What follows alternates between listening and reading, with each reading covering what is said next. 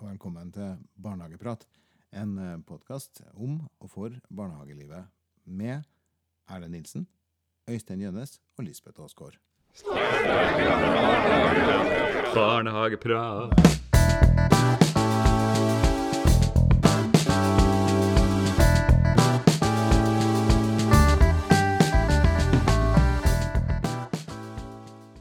Du hadde en intro her. Hadde jeg en intro? Var-. I disse koronatider så har vi jo ikke noe intro. Da går vi bare rett på. Fordi at Da unngår vi å bruke ordet koronatider for mange ganger. Fordi at Enkelte syns det begynner å bli et oppbrukt ord med koronatider. Mens jeg syns det er et ganske fint ord. Og liker å bruke det så mange ganger som jeg kan. Så koronatider, hei, hei. Lykke til. Enkelte av oss synes jo at folk som bruker ordet koronatider, burde slås bare litt lett med en liten pinne. Ja. Men så da er vi forskjellige, altså, med andre ord. Det er jo flaks at vi sitter på Teams, da, sånn at du ikke når Du skal ha innmari lang pinne, tror jeg, for å nå helt derfra du sitter. Helt hit. Sant nok. Og i praksis er det veldig sjelden at jeg får lov å slå folk med pinner. Det er egentlig et savn.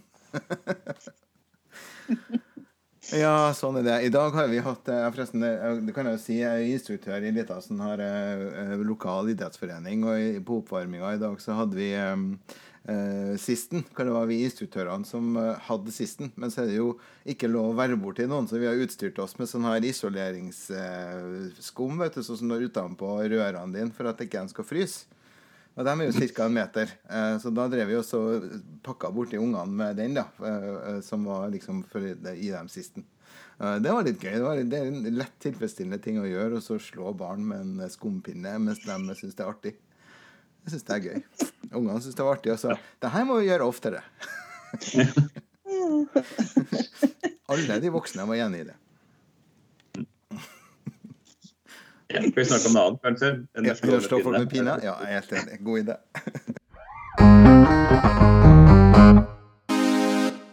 Vi kan jo snakke om hvordan det er å få veiledere og eh, retningslinjer klokka 14.15 på en fredag ettermiddag, f.eks. Rett før pinse. Det kan vi jo snakke om. Ja, vi begynner vel å bli vant til det nå. Vi får da håpe at det, var den, at det skjedde for siste gang. Eh, Jeg, har jo stilt det spørsmålet ganske høyt et par ganger i forhold til hva, hva er problemet med å stå på en pressekonferanse på onsdag? Kan ikke du da bare slippe den veilederen på torsdag? Eller så kan du kanskje vente med å ha den pressekonferansen til mandag, og så slipper, har du pressekonferanse, og så slipper du veilederen samtidig på mandag. Det var jo ingen som ante at denne pressekonferansen skulle komme. Det var jo nesten sånn eh, eh, jeg, ble alarmert fra, fra min overordna om at eh, det skal forresten være en pressekonferanse i dag. Vi har hørt rykter om at kunnskapsministeren skal være til stede. Det kan hende de skal si et eller annet om barnehage. Og jeg tenkte jøss, hva skal de si nå? Er det nye veilederen? Hva skjer? Er det noe vi må forholde oss til? Og så tenkte jeg shit, det er onsdag. Det kommer til å komme en ny veileder, og den kommer ikke til å komme i dag. Så Nei, du fikk rett i det. vi kan, vi kan, ja da, vi kan godt snakke om det. Kanskje du skal begynne som sånn eh, spåkone. Det Ja. 100% uttelling. Nei, det var helt fantastisk. Og for min del, sånn rent privat, jeg hadde gått hjem fra jobb på onsdagen, for jeg har av og til noen sånne migrene-lignende tilstander. Det er relativt ubehagelig. Så når hun var sånn her eh, sju-åtte på kvelden, og jeg kom opp igjen i sånn halvørska, så sier kjerringa, eller eh, fruen, vet jeg det vel, så sier hun at eh, nå må du se på TV-en, for nå er det eh, presse, har vært pressekonferanse, og det kommer en veileder på Ja, meg gjett seg, det kommer på fredag. Ja, det kommer på fredag. ja, det var vakkert. Det er sånn De som jobber i barnehage og skole, trenger ikke eh, langhelg. Det er unødvendig. Neida.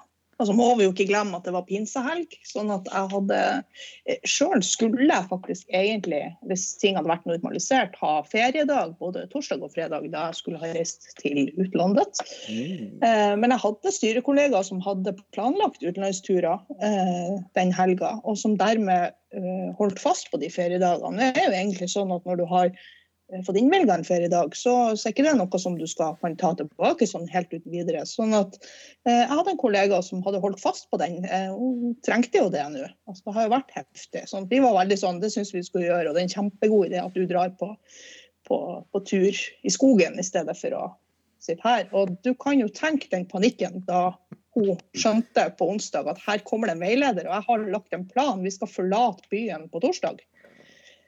Sånn at uh, hun måtte jo gjøre om på de planene og kom seg heldigvis av gårde. Men, uh, men uh, hun kom seg ikke av gårde. Altså, det var litt sånn at hun du, Kan du være så snill hvis det skjer et eller annet helt revolusjonerende, kan du da være så snill å, å, å gjøre noen ting? Gjøre noen grep i min barnehage òg? Så nei, dette var, dette var ikke bra, altså.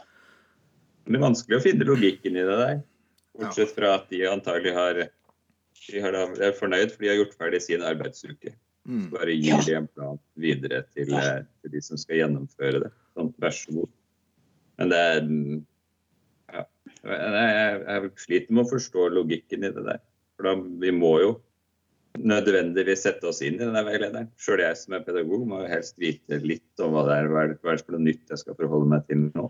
Ja, absolutt. Og det sto jo mange ja. Det sto jo mange ting der som var direkte innvirkning på din hverdag, Øystein. Mm. Alt fra, fra tilvenning til foreldresamtaler til, til, renhold og sånne ting. Det er jo midt, det er jo midt i hverdagen til alle som jobber i barnehage. Så alle måtte jo lese den.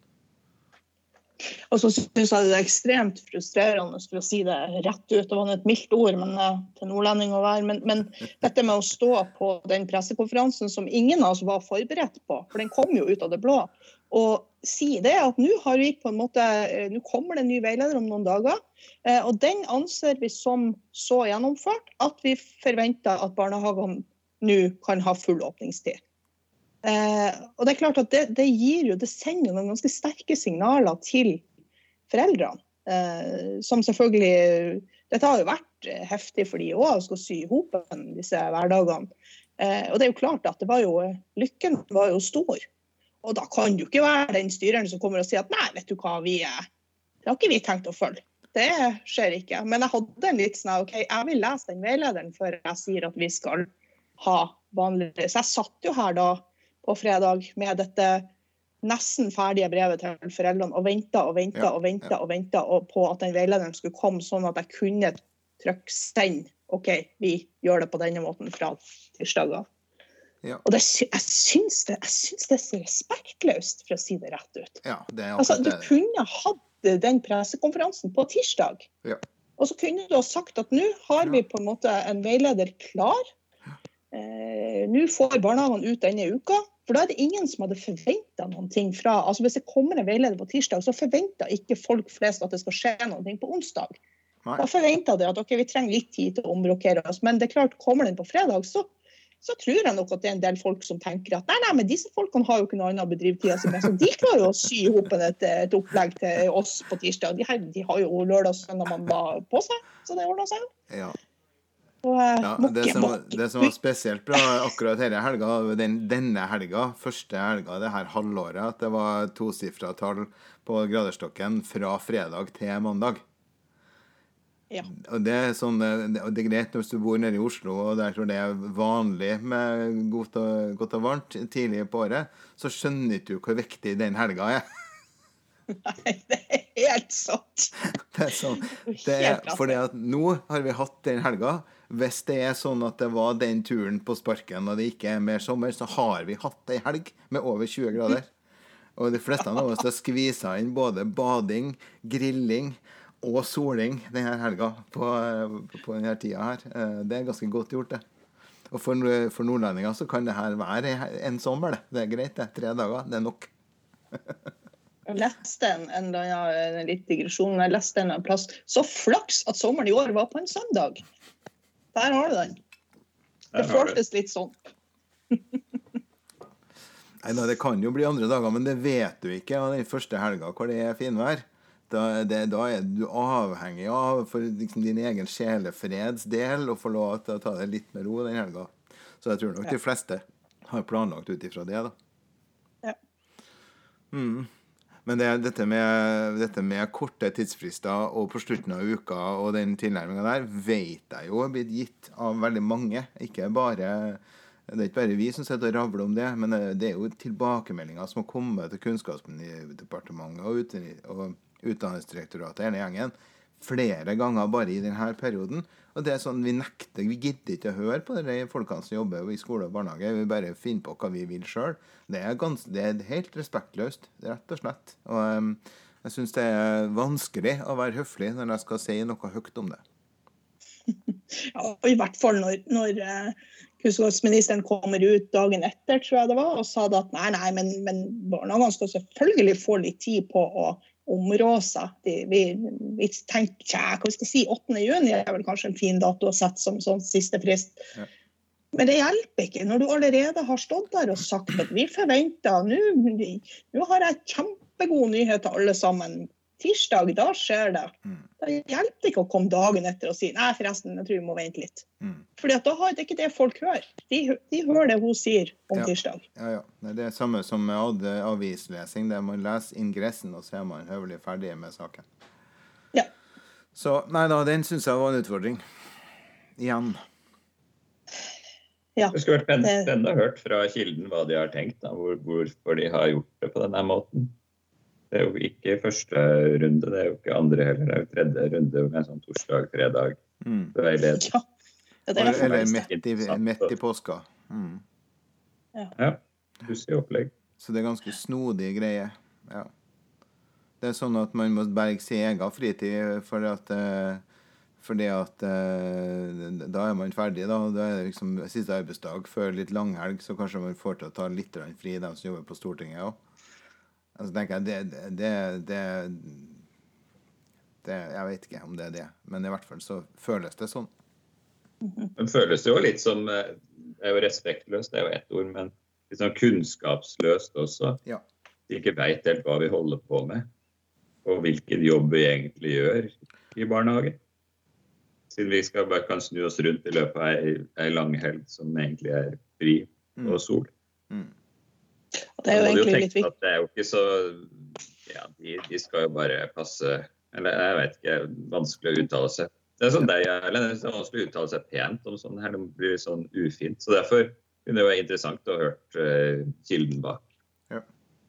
Det er veldig, veldig viktig det du sier, for jeg hører jo veldig mange som har sagt gjennom hele uh, denne prosessen at uh, de håper at dette blir et vendepunkt i barnehagene. At at faktisk de som bestemmer, kan skjønne at eh, eh, altså bemanningsnorm, pedagognorm, åpningstid, alle disse tingene her. Og det eneste jeg har klart å tenke gjennom det, når jeg hører sånn entusiastiske mennesker som sier at nå må vi liksom tenke nå om de kan skjønne hva, hva dette egentlig hvor, hvor, bra dette egentlig kan bli, så tenker jeg nei, nei, det kommer ikke til å skje. Beklager. fordi at de skjønner egentlig ikke hva de snakker om. De, de forstår ikke altså De forstår ikke hva det er vi gjør. Det er så, det er så rett sagt, akkurat det. De skjønner liksom ikke hva, hva er det som eh, altså, Guri Melby var jo mer opptatt altså, Hun brukte seg sjøl som, som, referanse i forhold til at jo, jo, men det blir fint for meg òg at de har full åpningstid. Mm. Altså, men prøv å se det fra andre sida. Prøv å se det fra altså, barnehagepersonalet, ungene sin side. Altså hverdagen. Prøv å snu på det. Ikke bare tenk Sånn som vi snakka om forrige gang, økonomi og NHO og Ja. Jeg kjenner jeg blir så Ja, nei da. Det blir nå. Ja, nei, altså Det var jo et sånn, eh, det var et sånn barnehageopprør på trappene helt i starten av denne eh, korona... Disse, disse koronatider. Helt i starten av de. så var det jo snakk var jo et sånt opprør som liksom var litt på trappene, og det ble litt eh, rabalder rundt og litt skriblerier. Men det var jo utrolig dårlig timing. Mm. Jeg tenker kanskje at, at, det er bedre timing på noe nå. Eh, kanskje for å få Kanskje til og med for å få politikere til å forstå hva det er vi holder på med. Mm. Nå har vi vært nede på sånn eh, eh, jeg vet ikke hva det er, system på bånn. Vi har drevet det har jeg snakka om før også, men jeg, på Jeg har hatt ansvar for seks barn mm. aleine. Mm. Noe mer ansvar enn det, det tror jeg ikke du kan uh, få i en barnehagehverdag. Kanskje du sitter som styrer, da. Kan hende du har litt mer ansvar da. Men, men sånn i hverdagen, i det praktiske gjennomføringa, det pedagogiske arbeidet, så har jeg aldri hatt mer, følt mer på det ansvaret. Mm. Og det er sånn som jeg tenker det går an å formidle videre. Mm. Det der at eh, du har de seks barna. Et av de barna finner ut at nei, jeg gidder ikke mer, jeg går. Eller jeg setter meg ned når vi er på tur. Så har du fem barn som eh, bare Skal de bare gå, da? Mm. Skal de bare være der? Eller sånn. Ja, ikke sant. Du har, du har i hvert fall ganske, ganske sånn håndfast og et lett tall å forholde seg til. Mm. Én til seks er ganske greit. Kanskje. Det var interessant. En teori som jeg dessverre ikke kan underbygge med hvem som har eh, hvordan eh, forfattere eller, eller teoretikere som ligger bak. Men det var en teori som jeg hørte eh, For det var Nordnorsk lederutvikling som hadde en sånn innsmett på et sånt styrersamling for den kommunen som vi jobber i da. Og der sa han det at det, det er et antall mennesker som du klarer å ha et nært eh, og jobbmessig relasjon til. Og maksantallet var åtte. Hvis du alt over åtte, så blir det så eh, vanskelig å holde tråden på relasjonene at det blir mer perifert. da. Det betyr ikke at du ikke klarer å ha en relasjon til Du kan ha en relasjon til massevis av mennesker, men å ha en nær eh, og på en måte eh, kontrollerbar relasjon som du kan forholde deg til, det var ca. åtte. Og så begynte jeg å tenke Jeg har øh, åtte avdelinger, sånn at én på hver avdeling da må jeg plukke ut, da, som jeg har ansvar for. begynte å tenke litt sånn, for det, det slo meg litt sånn, for jeg har 30 stykker som jeg har arbeidsgiveransvar for.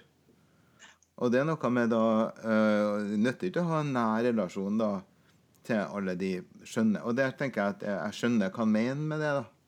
Det, for det blir fort uoversiktlig, og det blir veldig mange ting å huske på. Alt ifra hva katta deres heter, til, til når de har bursdag, eller eh, enda viktigere, hva er det de ønsker med jobben sin, hvor de vil hen, hva er drivkraften deres, hva er det de eh, er opptatt av.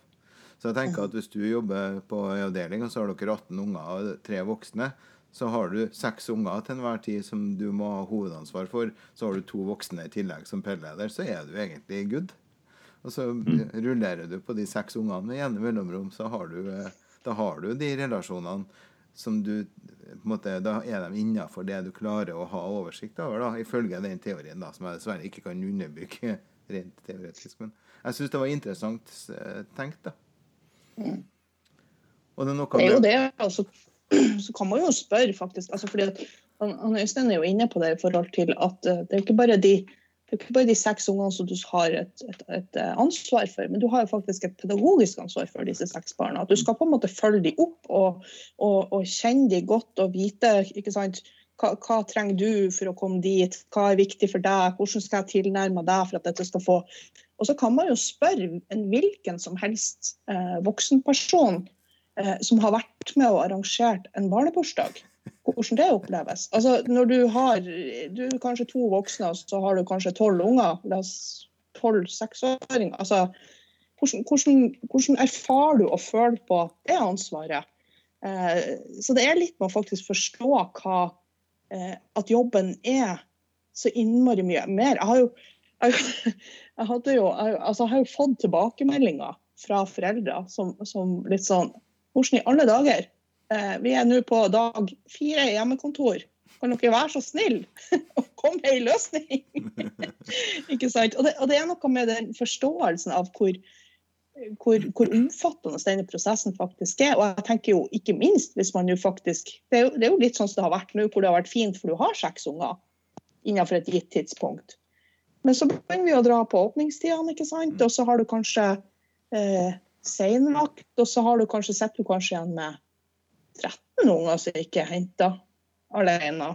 Det skjer. Selv om du ikke er helt alene, så er du alene i, på den avdelinga. Og det er, jo, det er jo der vi på en måte sliter litt akkurat nå. fordi at før i verden eh, så tenkte man jo mer sånn at ok, vi kan på en måte låne litt voksne hvis det blir litt syk. Hvis de er litt lite unger der, og vi er på en måte mange voksne der, så vi har alltid disse morgenmøtene hvor vi ser på hvordan kan vi sette sammen turgruppene i dag, basert på hvor mange unger vi har, og hvor mange voksne vi har, så vi får en sånn god kabal. Jeg har nettopp sittet og jobba med sommerturnusen.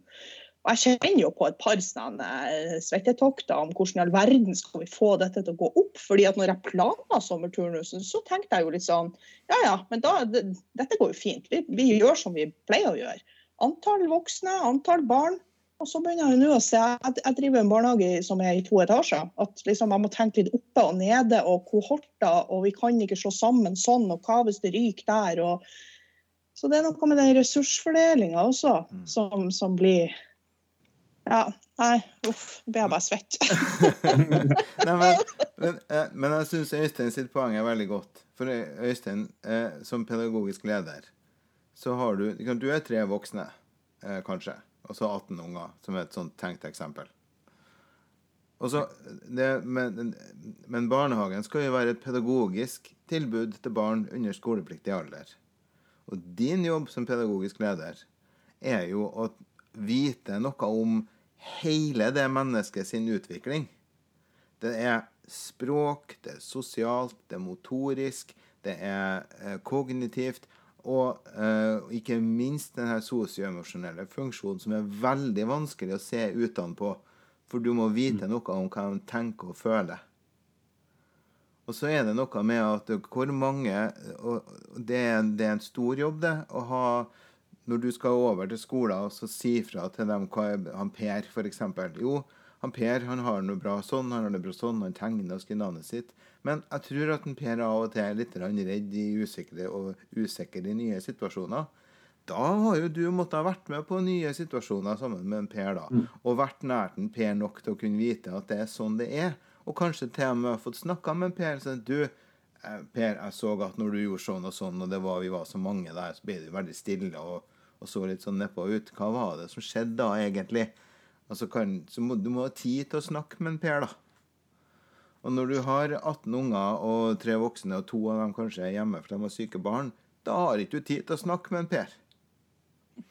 Og det er noe med det Når vi da i tillegg har åpent fra sju til halv fem, og de fleste som jobber i barnehage, jobber sju og en halv time, så er det kanskje, kanskje to timer eller tre timer midt på dagen hvor du faktisk har tid til å snakke med en Per om det der. Men da er det sikkert ikke, det er ikke sikkert at en Per sliter i de timene der. Da har det helt fint. Så det handler om Det er jo noe av det som er, er eh, har vært en sånn positiv ringvirkning av det her koronatiden, da. Nettopp. Som vi har vært inne i nå. Ja. Det er jo at uh, du har fått tid sammen med de ja, Nå fikk jeg en pisk her. En virtuell pisk. Uh, du, du, har fått tid med, med de her barna. og jeg kan med hånda på hjertet si at jeg aldri i min barnehagekarriere fått så god kjennskap til en gruppe barn som det jeg har hatt nå. Nei. Og det er jo et pluss for de ungene. De har jo hatt, eh, de har jo hatt en oppfølging også som er helt annerledes. Mm. Ikke bare av meg, men av alle. Mm. Fordi at alle har sett det samme. Eh, alle har sett at eh, Og det var det som skjedde fordi at de har fulgt så få barn over såpass lang tid. Mm. Og, vi, og det der smuldrer når vi utvider. Men det, smuldrer smuldrer allerede litt. for at vi begynner å liksom skal ta ja, Jeg er jo ikke noen pausemann, det har jeg aldri vært. Men det at vi går, da går vi en halvtime der, da, og så blir det litt kontorarbeid. Ser vi at vi har tid til nå, ja, men da tar vi litt av det. Og så blir det litt sånn Det smuldrer allerede litt. Og i den, når vi åpner opp, eh, full åpningstid, så mm. tror jeg vi ganske fort er tilbake igjen til vanlig, vanlig drift. Men det er to hovedproblem. Det er to ressurser som avgjør uh, hvor, uh, tett, uh, voksen, hvor, god voksentettheten er. Det ene er selvfølgelig hvor mange voksne som er til stede på jobb. Så hvis dere hadde vært fire voksne og 18 unger, så hadde jo dette vært mye lettere å forholde seg til. Ikke sant? For da hadde dere hatt det lettere å kunne ha hatt en annen vaktordning som gjorde at dere hadde mer nærhet til unger. Men hvis, den andre måten å gjøre det på er barns oppholdstid. Hvis vi hadde visst at det var bare tre unger som kom fra sju til halv fem, så trenger ikke vi så veldig mange voksne da. Da hadde vi kunnet klumpa vaktene våre litt mer på midten. Og hatt en mer samarbeid med naboavdelinga, f.eks. For i forhold til akkurat den hentinga og leveringa på morgenen og den her første, siste halvtimen. Og jeg har litt opplevelse av at barnehager som har åpent i ti timer, så tror folk at OK, men da bør ungen være der alle ti timene. Men min holdning Jeg har nå hatt tre unger gjennom barnehagen. Min holdning har bestandig vært lever så sent som mulig, hent så tidlig jeg kan. Så får de heller være med på Rema, eller så får jeg handle på fredagene, så jeg ikke trenger å dra på Rema på tirsdager. For å dra på Rema på tirsdager med slitne barn er faktisk noe herk. Vi så jo allerede altså Hvis vi tenker at det faktisk var en periode før kohorter eh, Vi hadde jo åpent eh, gjennom hele denne krisen eh, for eh, barn av de som har samfunnskritisk eh, jobber. Og hos oss så var det faktisk en del unger som var i den perioden. Eh, ikke veldig veldig mange, men jeg driver en stor barnehage, så vi, så vi hadde sånn at vi måtte ha på en måte eh, en god bemanning for å, for å ivareta dette. Og allerede da så jeg jo, for da forespurte vi jo når kommer han Per i morgen tidlig, og når tenker du at han blir henta? Sånn at vi kan bruke ressursene våre i den perioden det er mest nødvendig. Eh, hvis, du, hvis, du, har behov for at han kommer kvart på sju, så er det helt i orden. Da åpner vi kvart på sju. Eh, men da kan det hende at han ikke trenger å være til klokka er kvart på fem. Og så fikk vi det til å funke på en sånn god måte. Og vi fikk jo så innmari mange tilbakemeldinger fra foreldrene til disse ungene om hvor fantastisk de følte at ungene deres ble ivaretatt. Lita gruppe, faste voksne. Vi var, satt jo på de samme voksne i hele uka, sånn at vi på en måte eh, visste at disse ungene ble møtt av trygge og stabile voksne. Eh, og så var det jo også en viss form for smittefare oppi dette, sånn at vi ønska å ha den samme Vi var sånn pre-kohort, for å si det sånn. Eh, men, men, men, akkurat der og da så tenkte jeg faktisk veldig mye på akkurat det du snakka om, Erlend. At hvis vi bare hadde hatt en, en, en oversikt og en mye mer eh, klarhet fordi at For noen mennesker eller for noen familier så er det selvfølgelig sånn at de har behov for. Altså det, det, kan være vanskelig. Og jeg har vært med på foreldre som, som jobber sånn at de har kommet klokka sju og henta klokka fem. Mm. Eh, og da har det jo vært vår jobb å gjøre tilbudet til det beste for dette barnet. Eh, for både vi og foreldrene var jo enige om at dette ikke var optimalt. Men OK, da må vi se på hvordan kan vi hente inn hvilestund og alt dette. Mm. Men rent bortsett fra det, så er jeg jo enig med deg at vi på en måte må prøve så godt man kan at, å få dette til å, til å gå i hopen på en sånn måte at, at Jeg vet jo f.eks. At, at eh, det er en del eh, foreldre som prioriterer å ha eh, De kan bo litt utenfor byen, jobbe i byen, og så prioriterer de å ha barnehage i byen, sånn at de får den kjøreturen i lag. Mm. Eh, ikke sant? At det blir prioritert før eh, hvor de skal gå på skole, f.eks. Mm. Eh, Slippe å sitte i rush. ikke sant? Ok, Så må man sitte i rush, og sitter man i rush i lag, så er det en kvalitetstime på, i lag i, i, bilen, for å si det sånn. Men det er klart det er opp til hver enkelt familie hva som fungerer best. Men sånn drømmescenario så skulle jeg ønske at vi hadde en form for eh, innsjekking. At vi visste at OK, i morgen så har vi fem unger som kommer klokka sju. Så kommer resten klokka, etter klokka åtte, f.eks. Ja. Nei, det, det, det, tenker jeg i hvert fall er en mulighet for å nærme oss lite grann, da. Men um, ja, jeg vet ikke hvor mange vedtekter i Norges land som åpner for en sånn uh, dialog med foreldrene. Og, og, uh, jeg tror vi har hatt vår mulighet, for å si det sånn. Ja. den kom, og den ble ivaretatt, og den forsvant. Ja. Man kan si det sånn. Mm. Ja, jeg synes det, er, det er vanskelig tema, da, fordi at eh, da er du innom hva det er som er barnas beste òg. Mm. Uh, og sånn sett så kan det jo hende at det er nært det vi har holdt på med nå. Mm. Det har Den oppfølginga de får, og det tilbudet som gis til hvert enkelt barn, mm. det er uh, bedre enn vi får til i vanlig, vanlig hverdag, normal hverdag. Så Vi prata en del hos oss om hva vi tenker vi skal ta med oss videre. for Vi ser jo for oss at det endrer seg. jo. Kommer den uh, veileder til en fredag før sommerferien. Sånn så får vi endre litt mer. Men der er det veldig vanskelig å se for seg hva vi hva skal vi dra med. Vi har noen så små erfaringer som vi tenker at vi kan ta med oss. men det store og hele så vil ting falle fort tilbake til eh, normalen, ser vi for oss. Så må vi være bevisst på hva det er som eh, hva det er i denne tida som har vært barnas beste, og hva vi har mulighet til å få til seinere. Vi har ikke landa noe, noe, lurt der ennå. Vi er jo midt oppi å legge planer etter eh, nye veiledere. Mm. Jeg, hørte, jeg, hørte, i dag et, en, en, påstand om at det tar eh, 60 dager å endre en vane. Altså hvis, du, hvis, du, skal på en måte endre en vane, så må du bruke 60 dager på å innføre den nye vanen. Og vi er jo beyond 60 dager nå. Så det er jo noe med det å hente inn de, faktisk, de gode tingene som faktisk har fungert i denne tida. Og tenke på det at ok, kanskje dette er en endring av vaner, og kanskje være bevisst på at det er en del ting som man kanskje ikke skal falle tilbake på. For det er jo en del ting vi kan endre som, som vi kan bestemme, som ikke handler om åpningstid og kohorter og regelverk. Men altså rett og slett hvordan har dette fungert? Hvordan har vi gått på tur, f.eks.? Hvordan, har vi hvordan har vi delt oss opp? Hvor har vi, hvor har vi gått på tur? Ikke sant? Det, ja. Uten at jeg har fasiten, så tenker jeg at det er en del ting som, som vi på en måte kan se litt tilbake på og tenke at sånn her har vi lyst til å ha det. Dette har vi lyst til å fortsette med. Som faktisk kan være gjennomførbart, selv om vi nå har utvida åpningstid og ja, jeg tror jo at vi, det må jo komme noe godt ut av dette. Det, ja, det tror jeg også. Men det kan jo hende også at når vi kommer tilbake til helt eh, vanlig drift, så husker vi tilbake på det her eh, lettere enn det vi gjør nå når vi skal sitte liksom og se framover på hvordan, hva skal vi ta med oss av det vi er midt oppi. Ja, Men når vi fyrer i gang igjen, så ser vi tilbake, og det funka veldig godt da. Mm. Og det, hvorfor gjør vi ikke sånn nå? Så vi har både felles referansepunkter, og det tror jeg er veldig Det er faktisk også veldig bra i det her.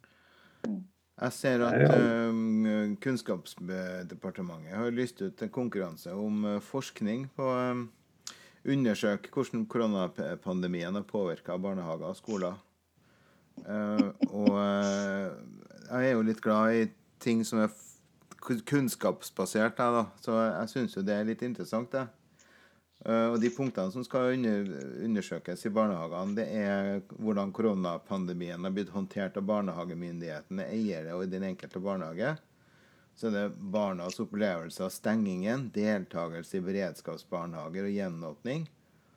Og uh, gjenåpning av barnehagene, herunder bemanning, åpningstid, organisering og ivaretakelse av barn. Og innføring av smitteveiledere, hvordan barnehager har forholdt seg til disse. Og samarbeidet med foreldrene.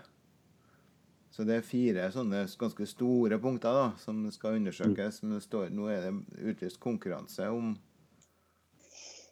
Ja, eh, jeg ser det er NIFU som skal ha, som skal ha for høyere utdanning, da. Men det, i forhold til barnehagene er det vel ikke avgjort hvem som skal gjøre det ennå. Men det er en rapport jeg kommer til å lese, da. Men det er jo også spennende hva som, hva som kommer ut. Altså, ja, det, jeg er kjempeenig, det er veldig bra at det forskes på. Jeg er også veldig glad i sånn kunnskapsbasert eh, forskning. Men, men, jeg er litt opptatt av hva som skjer etterpå. Så kommer det en fin og fancy rapport. Det blir litt sånn godbane. OK, så, ok, ja, vi gjorde sånn, og jeg hører hva du sier, og ja, det er jeg enig i. Og så går det liksom, koker det ut i kålen, og så er det på en måte en rapport som, som alle egentlig bare refererer til i all ettertid, men som, det, det, kommer aldri noe Eller ikke aldri, det skal jeg ikke si. Men det, det så Hva kommer ut av det? Liksom? Hva, hva, hva, lærer vi av det? Er det sånn at man faktisk setter seg ned og sier at jo, vet du hva, dette lærte vi? Eller blir det bare en rapport med masse fancy ord om at sånn var det, eller sånn var det ikke? Ja, det her er jo et hjertebarn for meg, Lisbeth. Synd at det, um, vi ikke har så veldig mye tid igjen. Men altså, dette med forskning Forskning skal være nøytralt, det. Eh, Godbanen skal i utgangspunktet være nøytralt. Så har de valgt seg eh, noen modeller som de leter etter eh, i norske barnehager. Og om de modellene er gode eller dårlige, eller om de, er, eh, om de passer til vår hverdag, eller om de er for Montessori-basert eller ikke, den er en diskusjon som vi lett kan ta i en egen podkast. For det kan være, da kan, lese, kan vi gjøre lekser, og så kan vi faktisk ha diskusjon på det. For der vil det være forskjellige meninger om det. Men det de gjør, da, det er at de får lage en, en rapport som de tenker er nøytral. Og så er det opp mhm. til min så er det min jobb og din jobb og barnehageeiere sin jobb å sette seg ned og lese gjennom dette her og tenke hvilke, om noen, um, følger skal det her få for min, min praksis? Og det er sånn at uh, hvis det er sånn at uh, det er sant at um, det er god kvalitet i en barnehage, at det på småårsavdelingene er mye materiell lett tilgjengelig for barn i 1-2-årsalderen, og vi er enig i det, ja, så må vi gjøre eh, pedagogisk materiell lett tilgjengelig for toåringen på småårsavdelingene. Eh, Men hvis vi er uenig i det, så må vi vite hvorfor vi velger å sette eh, fargeblyantene, tusjene, opp på hyllene og ta dem med ned og la ungene få lov å velge dem når vi syns det passer. Vi må vite hvorfor vi gjør det. Og det tenker jeg er kunnskapsbasert drift av barnehage. Så ja, Vi hører at de sier det, men for vår del syns vi det er morsommere at ungene tegner på arket enn at de tegner på døra. Derfor så er vi av praktiske hensyn så tar vi unna tegnesakeren deler av dagen. Men det betyr jo ikke at barn ikke har tilgang til tegnesaker. Som et sånt veldig sånn banalt eksempel. da. Men jeg, jeg opplever jo ofte, eller ikke ofte, men, men jeg har ofte tenkt at eh, Kan det være sånn at man leser disse rapportene, og så tar man det man er enig i, og så bruker man det til å underbygge egen praksis? Eh, mens de eh, påstandene som kommer som man ikke er enig i, nei, dette er jo helt annerledes enn det vi drifter, så, så har jeg en anelse at det kanskje bare blir sånn Nei, men det her orker ikke vi å forholde oss til. Altså, Du mangler den her motargumentasjonen som du sier at OK, eh, jeg er ikke enig i det her, da må vi fordi at sånn, sånn, sånn. Men jeg, jeg har kjent på et par ganger når jeg har sittet på sånn type forelesning eller foredrag, at det er sånn OK, nå har du plukka frem alt det som understøtter din teori, men hva med det andre som står der?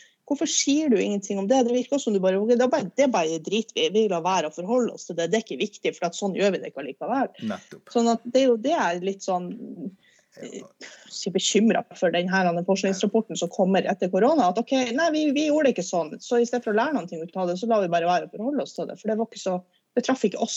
Det var ikke, det var ikke oss, liksom. Jeg det var vet et ikke. punkt, det var et punkt der om, eh, om hvordan ting var håndtert, og litt høyere opp i systemet òg. Og Der er jeg kanskje enda mer spent på om de får en forskningsrapport på bordet som de virkelig Å, dette er interessant. Vi må endre litt på denne sektoren. Der har jeg litt mer eh, kjenner jeg litt, litt, litt tvil der, kanskje. Litt og til. Men Fordi at de får mange. Og ja.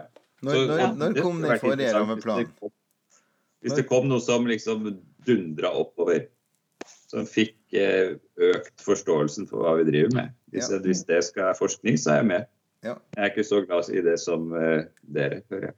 Nei, jeg, jeg, jeg, ikke, jeg prøver å være nøytral til forskning, for jeg tror at det er viktig å forholde seg til all forskning som kommer ut, på en sånn måte at du må argumentere enten mot eller for Ja. faglig.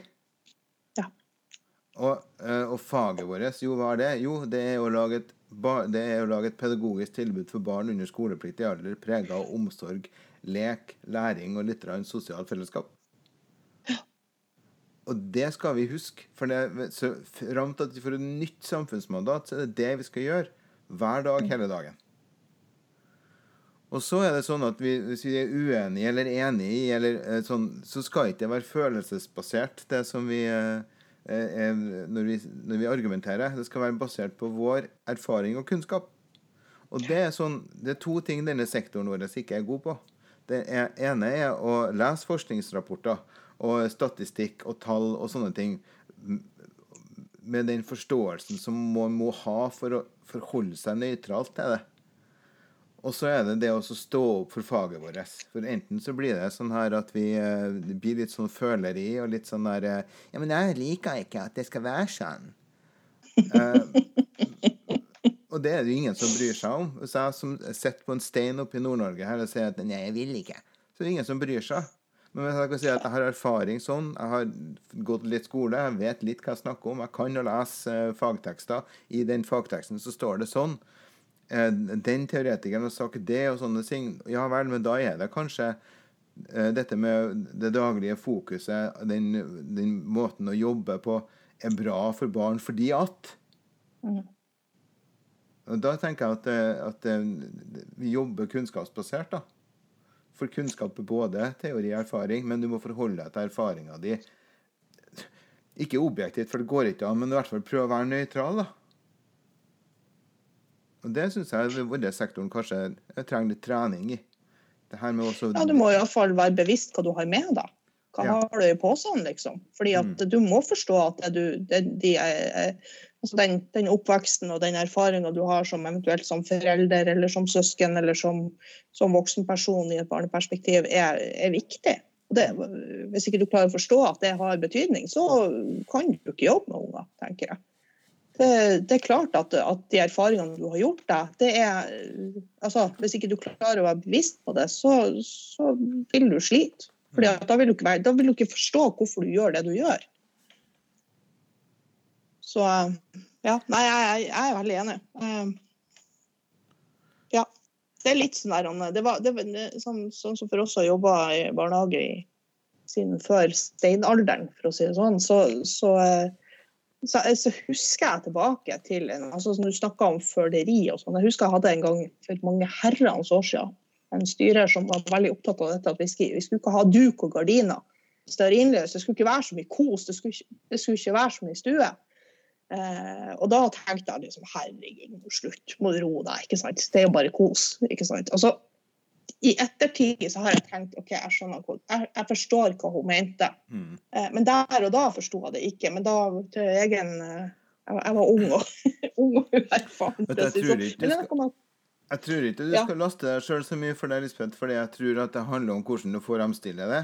Fordi at Ja. eh, veldig ofte så er det sånn at vi Nei, det skal vi ikke ha.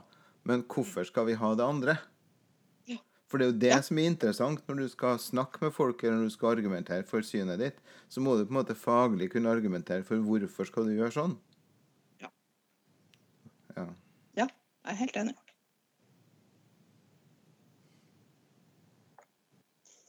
Kanskje ja, Dette er veldig med i dag. Kanskje rett og slett at den forskningsrapporten da kan gi oss et lite dytt. da. Hvis jeg skal være veldig positiv til forskning, sånn, sånn, for, for å bare være sånn hypotetisk positiv, så kan det jo komme noe ut av det som, som vi kan bruke i det videre arbeidet. Da, som dytt og som bevisstgjøring. For jeg er, vel, jeg er jo enig i det at det er viktig å være bevisst Mm. hvorfor vi gjør sånn som vi gjør. Hvorfor, ja, på, helt ned på individnivå. Hvorfor handler jeg sånn som jeg gjør? Mm. For Det syns jeg er interessant. Det syns jeg faktisk er mer interessant på Mm. det nivået enn å ta det. Det er kanskje litt derfor forskning er litt uh, ute av hodet mitt òg, fordi at jeg, jeg jobber på sånn individnivå og Mm. ønsker å gjøre det. Mm. Og det er det liksom holder det veldig høyt fram. Men jeg kan jo bruke forskningen da, inn i, på det nivået også. Bare hente det litt ned. Altså, Forskninga, det tenker jeg, du, du som er jazzmusiker, der er det jo veldig store deler av eh, eh, på en måte musiseringa som er intuitiv.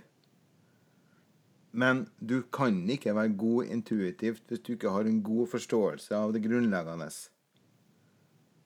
Du kan ikke bare du må, du må ha noen basiskunnskaper der som eh, Og gjerne ting som utvikles over tid også. Beste jazzmusikerne er ikke de nødvendigvis de ferskeste. Nei. Tvert imot. Og det kan til, til og med være de som lytter mest. Det har jeg erfart. Hvis vi skal nå snakke om jazz, Ja, ja det så er det mye lytting i det. Og, og det kan man jo dra inn i det her også. De har ikke lytta så mye til oss, de som har gitt oss veiledere. De har ikke Eh, lytta så mye til, til ungene heller. De har på en måte sett et skrekkscenario, så har de bare dundra i vei, og så har de tenkt ja, det her får de til. Ja. Nettopp. Vi har spilt som frijazz nå i, i mange, mange dager. Ja. Så, enig. Nei, man kommer ingen vei uten basis. Frias, nei, du, du, men altså, Frias kan jo være litt spesielt. Eh, Det er jo, eh, det er jo litt sånn vanskelig eh, tilgjengelig for veldig mange, inkludert meg. Det må jeg jo innrømme. Men samtidig så skjønner jo jeg òg at det er en eller annen form for metode i galskapen. Og ofte så kommer de jo tilbake til et eller annet som jeg kan gjenfortelle eller forstå. I hvert fall på slutten av de her tolvminutteren. Ikke sant? Men midt Ja, inni her er det jo ofte ja. Barnegruppa er jo frijazz. i- Det er jo totalt er kaos ganske mye. Og så henter det seg inn sånn av og til, og så blir det totalt kaos igjen. Det er helt likt. Helt kliss likt som frias. ja men Ingen som skjønner noen ting. Hvis du står på utsida og ikke liker Nei, barnehager eller ikke liker frias, så skjønner du jo ikke bæret. Og det skjønner jeg godt. Men hvis du er inni det, midt inni det, og liksom lever i det, så forstår man ganske mye. Og får med seg ganske mye. Så det er noen eh, Det, det henger på greit å snakke Mm. om barnehagejazz. Men det er ofte jeg har kommet inn i Ja. For jeg har kom, ofte kommet inn på ei avdeling, altså, og så er det, det er 20 unger og fire voksne. Og det ser ut som at det er fullstendig kaos. Men, men egentlig så er det sånn at ungene er ferdige å eh, spise, og så er de noen er på tur på å legge fra seg kopper og kar. Andre har gjort det og er på tur på, for å vaske fingrene sine. Andre har gjort det og er på tur for å kle på seg. Og alle ungene vet hva de skal gjøre, og de alle de voksne har sånn høvelig kontroll på hva er ungene driver på med. Og så har de en sånn her føler ute på alle de der tingene som blir dissonans, som, som, ikke, som ikke passer inn. Og så hjelper de, liksom går i utkanten og hjelper hele tida. Og det er sånn at Hvis du kommer ut, utenfra og inn og så ser en sånn situasjon i barnehage, tenker du helle sann for et kaos. Men når du har jobba litt i barnehagen, så kommer du inn sånn Her var det altså pinadø orden. Det der er jo veldig spennende, for jeg, jeg driver en stor barnehage. Vi har nesten 100 unger. Og eh, har jo veldig ofte opplevd spesielt førstegangsforeldre med sånne små ettåringer som skal begynne i barnehagen for første gang, eh, som, som ringer og så sier de at vi lurer på om vi kan få lov til å komme på besøk. Eh, vi er litt skeptiske. Eh, det er litt det er en stor barnehage, og nei, dette virker litt voldsomt, og det er så mange unger, og litt sånn. Og så kommer så sier jeg ja, ja, kom, ikke noe problem. Eh, og så skal vi liksom gå denne runden hvor jeg på en måte skal vise litt rundt. Eller vi gjør jo ikke det i disse dager, da, men vi gjør jo det forhåpentligvis en gang og har gjort det. Og så, og så går vi rundt, og så sier de Men hvor er alle ungene? Ikke sant? Fordi at det er klart du, Nei. Og da har jeg jo lyst til å si nei. Vi bruker å samle alle 100 på, på ett rom en gang for dag. Ja, vi gjør jo aldri det. det er jo noen, og det blir litt sånn som du sier. Noen er her, noen er der, noen driver med det, noen er på tur. noen er liksom, Men står du på utsida og ikke kjenner til kulturen, så høres det jo voldsomt ut. Jeg har jo, altså, det, det, ja. Sånn at jeg, nå, det, det var veldig, veldig bra sammenligning med Frias. Jeg har faktisk aldri tenkt på, på den. Jeg som er opptatt av musikk, jeg burde jo ha tatt den der for lengst siden. Men det, det, var en, det var en spenstig måte å det, det, sammenligne er på. din, eh, det er din lignelse det der, altså. Det må jeg si. Den, men den er vakker. Ja. Ja, det er, men det er rett også. Og så er vi jo godt i ring, da, fordi at det, det handler jo igjen om forståelsen av det vi driver med. Nettopp. For det er klart, Står du på utsida og ser inn, eller er du naboen til en diger barnehage og hører alo og bråk Mm. hele dagen lang, så får du én forståelse av barnehage. Barnehage det det er, det er bare rope og skrike hele dagen. Vi ønsker de kunne være stille. Eh, men når du er og som forelder også, når du leverer ungen din i barnehagen og henter, så får du ett et bilde. Og så har vi, det er jo vi som sitter, vi som jobber i det, vi sitter jo i det her bildet. Og vi skjønner jo veldig mye mer. Så jeg tror det å være god på å formidle videre faglig, si at det er det her vi driver med fordi da kan det være både jazzpedagogikk og det kan være annen pedagogikk. Mye som funker, fordi vi er forskjellige. Men det, det, det gir et, vi har et helt annet bilde av det vi holder på med, enn det alle som ikke er i barnehagen på dagtid. Har. Og hvis det funker, så er det til barns beste. Og hvis det er til barns beste, så er det noen grunnleggende eh, ferdigheter og grunnleggende eh, funksjoner som er like, eller i hvert fall overlappende, uavhengig av hva du kaller pedagogikken din, tenker jeg. Mm. Ja, men det syns jeg var et fin plass å runde av. Eh, Vi har holdt på i snart eh, 49 minutter. Vi har fått Facebook-side med over 140 likes. 140 000 likes. Ja, minst. Det var, det, det, vi, vi sikter jo på verdensherredømme, gjør vi ikke det? øh, I disse koronatider. ja. Øystein. Så det må si. Og så kan folk få kontakte oss på barnehagepodkast at gmail.com, eller på, hjemme, eller på Facebook-sida vår, for den er åpen for alle. Eh, og vi håper at så mange som mulig eh, gjør det, da. Og kanskje lastes ned og hører på også. Og så skulle vi si at hvis man hører på oss på, eh, via Apple Podcast, så eh, setter vi veldig pris på rating. At Ja. man Gjerne en ærlig tilbakemelding. Hva syns man? Så eh, Men, eh, det har jeg skjønt du- at det er viktig. Ja, hvis du liker oss, så trykk på eh, så trykk rating. Hvis du ikke liker oss, send oss en e-post. Ja. Veldig bra. Ja, det er viktig. Ja. Hvis du ikke Ja. liker oss, så trenger du ikke å skrive det på Apple. Det er ikke nødvendig. Jeg gir oss en tilbakemelding på mail, så ser vi hva vi kan eh, forbedre. Absolutt. Og hvis man har du, hvis, du, ikke- hvis du ikke liker det her, så kan du høre på Aftenpostens vinblogg. Hva er det? Nei, vinpodkast. Ja, ja, ja, ja. ja. Det var siste var den 20. 5. 2016, så jeg. Retro. Absolutt. Og, og hvis at folk har spørsmål, kommentarer eller ting som de ønsker vi skal ta opp i podkasten, eller eh, innspill som de vil vi skal eh, lese opp, så tar vi gjerne imot. Det er bare å sende inn e-poster til oss. Kan godt ha et segment i podkasten som er eh, lyttertilbakemelding. Eller respons, som det heter i et TV-program ikke langt herfra. Yes. Nei, men takk for praten. Jo, like måte. Jo, takk. Ha det godt.